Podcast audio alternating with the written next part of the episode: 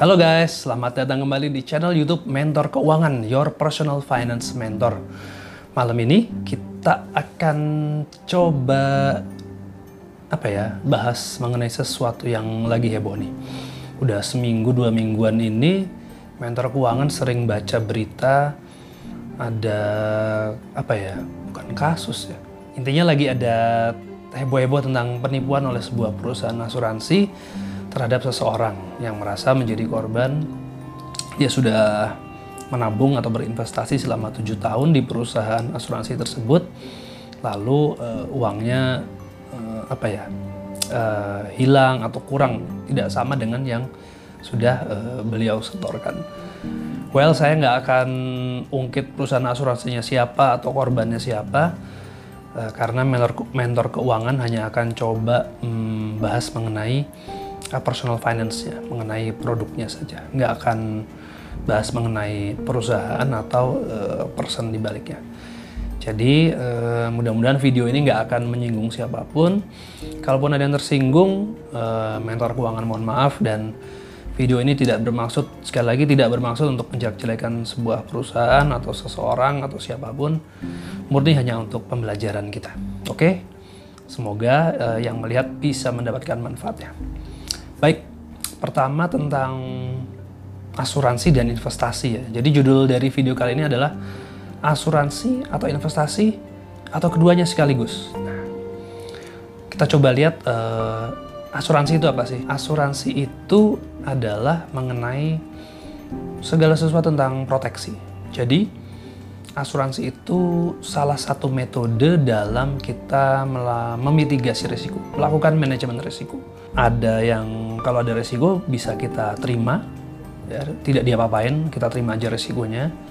Ada yang kita hindari resikonya, ada yang kita coba kurangi resikonya, ada yang kita transfer melalui yang namanya asuransi. Jadi resikonya ditransfer ke perusahaan asuransi. Jadi asuransi adalah proteksi, perlindungan atas suatu kemungkinan kerugian karena terjadinya resiko ya. Misalnya nih, asuransi properti. Jadi properti uh, yang dilindungi apa dari dari Flexas misalnya. Ya. Lalu kalau asuransi mobil ada klausul huru hara, klausul banjir ya. Jadi kalau terkena banjir maka diganti oleh perusahaan asuransi. Asuransi jiwa misalnya. Kalau terjadi kondisi meninggal dunia maka akan keluar uang pertanggungan, akan cair uh, uang pertanggungannya. Jadi asuransi adalah tentang manajemen risiko, tentang proteksi. Kalau di piramida perencanaan keuangan itu ada di peringkat kedua setelah manajemen arus kas dan dana darurat, lalu asuransi, lalu investasi, persiapan dana hari tua dan kemudian yang terakhir adalah tentang waris. Oke, udah paham teman-teman? Kalau belum silahkan di rewind nonton lagi atau sebenarnya kalian bisa browsing googling di mana pun pengertian assurance insurance itu udah banyak banget ya.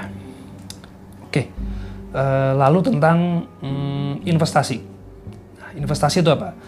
Secara umum juga ya adalah penanaman modal ya. Kita menanam modal ke suatu instrumen atau produk untuk mendapatkan keuntungan. Keuntungannya bisa dua nih. Ada yang melalui recurring income atau pendapatan berulang ya atau bisa juga melalui capital gain untungnya.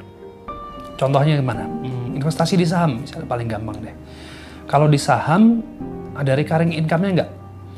Well, kalau kalian sebut dividen untuk suatu emiten yang rajin membagikan dividen ya, karena ada juga emiten yang nggak membagikan dividen. Dividen itu bisa dibilang recurring income, ada dividen setiap tahun. Lalu dari capital gain, kenaikan harga sahamnya, itu bisa juga.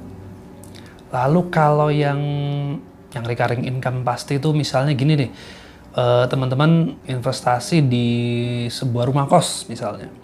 Nah rumah kos itu kan memberikan pendapatan secara bulanan, ada yang kalau kontrakan tahunan gitu ya, itu recurring income.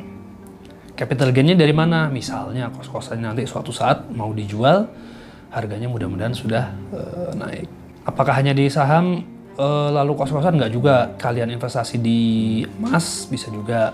Walaupun ada juga ya menganggap mm, emas itu bukan sebuah instrumen investasi ya. Jadi hanya sebagai alat uh, hedging alat pengaman aset. Ya itu tergantung mindset kita. Kita memandang emas itu dari sudut pandang mana. Kalau dianggap sebuah investasi bisa juga karena harganya uh, cenderung naik setiap uh, tahun. Emas itu rata-rata sekitar 10 sampai 11 persen per tahun lalu hmm, di benda koleksi misalnya lukisan lalu jam tangan mewah gitu ya lalu investasi apa lagi ya di bisnis kalian mau investasi di teman gitu. Banyak instrumen investasi banyak.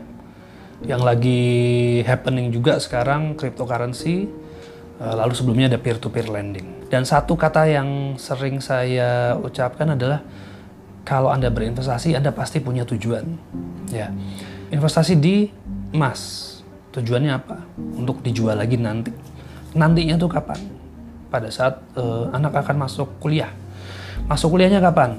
2 tahun, 3 tahun, 5 tahun, 10 tahun lagi. Ya. Targetnya berapa gram, berapa uang yang akan dicapai. Itu harus ketahuan. Jadi investasi itu kita udah punya target. Baik e, jumlah, nilainya ya, waktunya kapan. Ya. Contohnya lagi misalnya Anda ingin punya rumah. Jadi buat pasangan muda atau yang lagi pengen punya rumah nih sekarang ya, masih di kos-kosan atau masih di rumah dinas dan kepingin punya rumah, maka Anda bisa berinvestasi untuk membeli rumah tersebut. Nah, apakah dengan kredit, e, ngumpulin uang mukanya dulu atau secara cash langsung? Bisa keduanya. Tapi ya, pasti teman-teman harus sudah tahu harga rumah yang mau dibeli berapa. Misalnya satu miliar. Lalu kapan akan dibeli? Misalnya tiga tahun lagi. Ya, kalau itu melalui cash berarti paling nggak uh, harus sudah terkumpul satu miliar dalam waktu tiga tahun. Nah, tinggal dibagi uh, aja setahun uh, sekitar 300 jutaan. Lalu kalau uang muka mungkin taruhlah 20% dari harga 1 miliar berarti sekitar 200 juta. Maka dalam 2 tahun harus sudah terkumpul 200 juta. Jangan lupa kalau berinvestasi uh, selalu ada asumsi-asumsinya ya inflasi, kemudian uh, bagaimana si instrumen investasi tersebut um, berkembang, kinerjanya seperti apa. Nah, oke itu secara umum. Asuransi tadi udah ya, uh, proteksi. Kalau investasi adalah bagaimana kita uh, untuk men mencapai uh, target keuntungan yang kita sudah tetapkan. Ya, baik untuk uh, suatu tujuan tertentu. Jadi itu bedanya ya, asuransi investasi. Nah, kalau di yang lagi heboh ini, ini uh, dua. Jadi asuransi dan investasi itu digabung dalam sebuah uh, produk, ya namanya unit link. Nah unit link ini produk canggih, ya, hybrid ya. Dia menggabungkan antara dua sebuah dua elemen ya asuransi sama investasi dijadiin satu. Jadi anda bisa berasuransi sekaligus berinvestasi atau berinvestasi sekaligus juga berasuransi. Jadi keduanya sudah jadi satu kalau Anda membayar premi asuransinya ya, biasanya sih orang nggak akan ngomong bayar premi asuransi, biasa bayar premi aja. Bayar premi unit link itu uh, akan dibagi menjadi dua. Satu premi dibagi menjadi porsi untuk asuransi sekian dan porsi untuk investasi sekian. Dari premi asuransi unit link tersebut, kalau Anda bayarkan, itu langsung dibagi dua. Ada yang sebagian untuk premi asuransi dan ada sebagian untuk premi atau dana investasi gitu ya.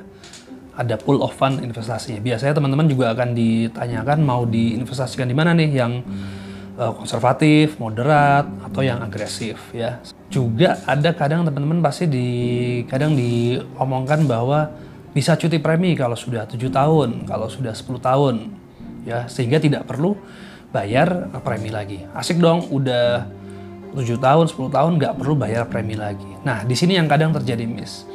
Jadi eh, banyak orang beranggapan bahwa kalau sudah tujuh tahun lalu nggak bayar premi lagi, udah cuti, maka semuanya akan berjalan dengan mulus. Nah, padahal di unit link itu ada asuransi dan investasi kan tadi. Nah, asuransinya ini eh, akan tetap berjalan. Ya, berjalan ini maksudnya gimana nih? Perlindungan asuransinya jalan dengan catatan preminya harus tetap dibayar. Loh, kan tadi katanya udah cuti premi, udah nggak perlu dibayar. Masih dibayar teman-teman. Dari mana uangnya? Dari dana investasi Anda yang tadi, yang diparuh tadi. Ya. Dari dari premi unit link, ada manfaat asuransi, ada dana investasi. Sudah tujuh tahun, tidak perlu lagi bayar premi. Dana investasi diharapkan berkembang, asuransi tetap berjalan. Asuransi tetap berjalan harus dibayar preminya. Ada costnya, cost of insurance. Dibayar dari mana? Dari dana investasi. Inilah yang akan membayar uh, asuransi Anda. Selama Anda cuti, selama Anda tidak lagi membayar premi. Kalau dana investasinya habis, ya misalnya kinerja investasinya lagi turun di saham misalnya jeblok seperti pandemi sekarang, gimana nih? Ya Anda harus top up top eh, top up dana investasinya untuk membayar premi asuransi ini. Kalau nggak di top up gimana? Maka asuransinya bisa lapse, bisa eh, batal, tidak berlaku lagi. Nah, udah asuransinya lapse, nggak bisa dinikmati, porsi investasinya pun habis. Nah, ini ini yang akhirnya jadi suatu apa ya? Ya entah ini dianggap penipuan atau bukan, seharusnya ini eh, sudah dapat dijelaskan di awal dan uh, nasabah asuransi juga sebaiknya sudah tahu apa yang dia beli. Memang dalam investasi itu saya selalu sampaikan bahwa berinvestasilah di tempat atau instrumen atau produk yang Anda benar-benar paham mekanismenya. Proses uh, bagaimana sebuah instrumen itu bisa menghasilkan keuntungan. Baik keuntungan buat Anda sebagai investor dan juga keuntungan untuk perusahaan. Karena kayaknya nggak ada yang gratis ya. Tidak ada makan siang yang gratis, no free lunch lah. Asuransi pun demikian, nggak ada asuransi yang gratis. Pasti ada yang bayarin. Yang bayar siapa? Ya dari dana investasi Anda sendiri juga. Nah, jadi boleh nggak sih sebenarnya di, di, digabungkan antara asuransi dan investasi ini? Well, boleh-boleh aja ya seperti tadi. Asalkan Anda udah paham, udah tahu mekanisme uh, unit link, ya bahwa asuransinya itu akan tetap berjalan selama anda masih memegang polis uh, asuransi tersebut. Berapa tahun misalnya? 20 tahun, 30 tahun tergantung kontrak ya. Kalau kontraknya hanya 30 tahun ya selama itu uh, akan ada uh, biaya asuransi yang harus dibayarkan ke perusahaan asuransi. Ya, itu makanya penting uh, bagi Anda untuk selalu memonitor berapa sih besaran jumlah uh, nilai tunai polis Anda, nilai tunai dana investasi Anda. Jadi sebenarnya unit link itu produk yang bagus sih, ya. Bayangkan Anda bisa berasuransi tanpa perlu lagi tanda kutip ya, tanpa perlu membayar premi. Ya, karena preminya udah dibayar dari uh, dana investasi Anda. Tapi kan ya lumayan. Jadi Anda nggak perlu lagi pusing-pusing memikirkan hmm, saya harus bayar premi asuransi lagi, bayar premi asuransi lagi. Diharapkan dari dana tunai investasi ini sudah mampu untuk membayar premi asuransi Anda. Dan harapannya tentunya ada ada apa ada kelebihan di situ. Well, ini akan sangat tergantung lagi pada kinerja investasi yang uh, Anda pilih. Apakah itu di konservatif, di moderat, atau di agresif, atau campuran. Nah, tergantung di kontrak asuransi Anda, di uniting Anda, di mana si manajer investasi ini akan mengelola uh, dana investasi Anda. Anda juga harus tahu siapa manajer investasi yang mengelola uh, dana investasi Anda di unit link tersebut. Mungkin timbul pertanyaan nih, kalau dana investasi saya diambil setiap bulan untuk membayar premi asuransi, artinya dana investasi saya makin kecil dong tiap bulan. Iya, bukan makin kecil, tapi karena akan tergantung dari kinerja investasi ya. Tapi intinya dana investasi Anda akan ada yang diambil sebagian untuk membayar premi asuransi ya ya dibilang makin kecil ya iya tapi kalau misalnya ternyata yang diambil lebih sedikit daripada pertumbuhannya kan jadi nggak lebih kecil memang sangat tergantung dari kinerja investasi di unit link sehingga Anda perlu memonitor kinerjanya setiap bulan, setiap tiga bulan seperti itu. Kembali lagi ke pokok ya, jadi mungkin perlu direnungkan lagi nih untuk Anda yang sudah mengambil produk ini anda sebenarnya ikut unit link ini adalah untuk berasuransi atau berinvestasi. Kalau Anda ber, uh, ikut unit link ini untuk berasuransi, ya apakah itu asuransi kesehatan atau asuransi jiwa, pastikan jumlahnya sudah sesuai dengan kebutuhan Anda. Jangan over insured, jangan juga under insured. Kalau untuk asuransi jiwa pastikan sudah uh, cukup sesuai kebutuhan. Kalau ikut asuransi kesehatan pun juga sudah cukup sesuai kebutuhan atau tidak. Jangan terlalu uh, berlebihan, terlalu banyak mengambil uh, polis asuransi. Ya. Lalu kalau Anda memang ikut unit link untuk berinvestasi, pastikan Anda selalu memonitor saldonya seperti apa. Apakah sudah sesuai dengan target uh, atau tidak. Ya, itu pentingnya uh, kita melakukan financial check up secara uh, berkala.